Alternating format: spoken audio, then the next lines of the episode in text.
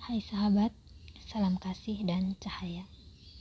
Aku Yohana, aku kembali menceritakan kisahku menurutku. Kali ini aku mau menceritakan tentang relasi-relasi di dalam hidupku yang ternyata cinta mereka bersyarat. Jadi, dalam hidup aku pernah berelasi dengan beberapa pihak yang ternyata cinta mereka bersyarat.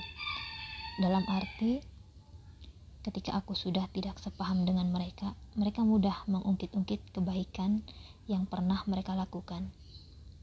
Hei, kamu bisa karena aku. Hei, ketika kamu tidak mempunyai makanan, aku yang memberimu makan. Hal semacam inilah yang membuatku enggan untuk bergantung. Aku lebih suka menghasilkan sendiri. Tetapi karena ada pelajaran kehidupan yang harus kulewati, kuturuti saja ke mana semesta membawaku. Jadi, ketika semesta mengkondisikan di mana keadaan finansialku merosot, aku diajarkan untuk rendah hati dengan meminta.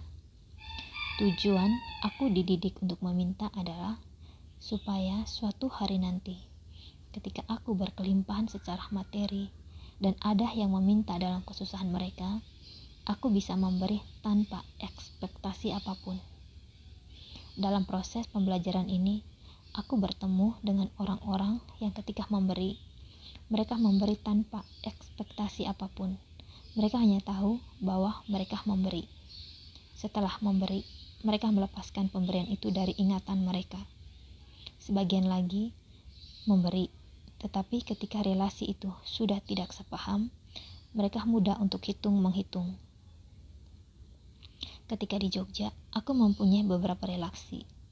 Di awal semuanya terlihat baik adanya. Ketika aku difasilitasi oleh mereka, aku bersyukur.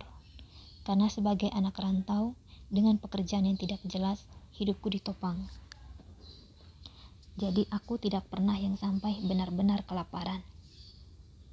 Dan aku pribadi meyakini bahwa apa yang kuterima adalah hasil dari apa yang kuminta kepada Tuhan dan permintaanku dijawab melalui orang-orang sekelilingku.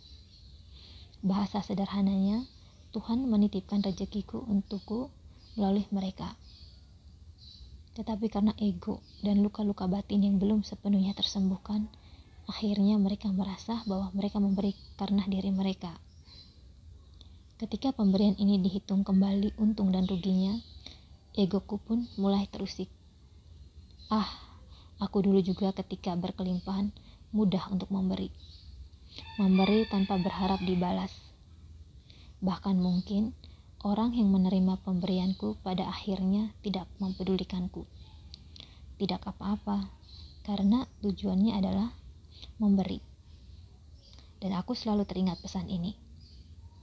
Ketika kita memberi, kita hanya sedang dipakai Tuhan untuk membalas seseorang karena bisa saja sebelumnya orang tersebut juga sering memberi. Ketika dia terpuruk, Tuhan membalas dia melalui kita. Pesan ini kuingat agar aku selalu menyadari egoku, supaya aku tidak tinggi hati ketika memberi. Dan ketika egoku terusik, karena pemberian dan pengorbanan yang ternyata dihitung-hitung untung dan ruginya, aku berusaha untuk kembali menyadari egoku, dan akhirnya melepaskannya supaya emosiku kembali netral.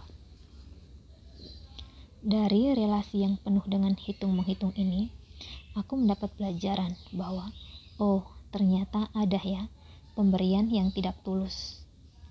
Ternyata ada cinta yang bersyarat. Dan ternyata seperti ini rasanya ketika sebuah kebaikan diungkit-ungkit.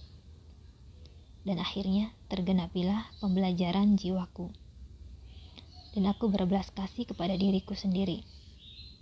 Dengan begitu, aku tidak lagi menghakimi relasi-relasi itu. Seolah-olah aku yang lebih baik dan mereka buruk. Jadi, aku tahu relasi ini seperti itu. Dan aku memilih menjadi pengamat yang hanya mengamat di titik zero point atau di titik netral. Dan setelah pembelajaran kehidupan di Jogja selesai, semesta menarikku keluar dari sana melalui proses yang tidak enak. Untuk naik tingkat kesadaran, prosesnya memang tidak enak ya. Tidak ada pertumbuhan spiritual tanpa rasa sakit. Tetapi dengan kesadaran, rasa sakit ini pun berlalu juga. Nah sahabat, ini ceritaku. Thank you, namaste. Semoga semua makhluk berbahagia.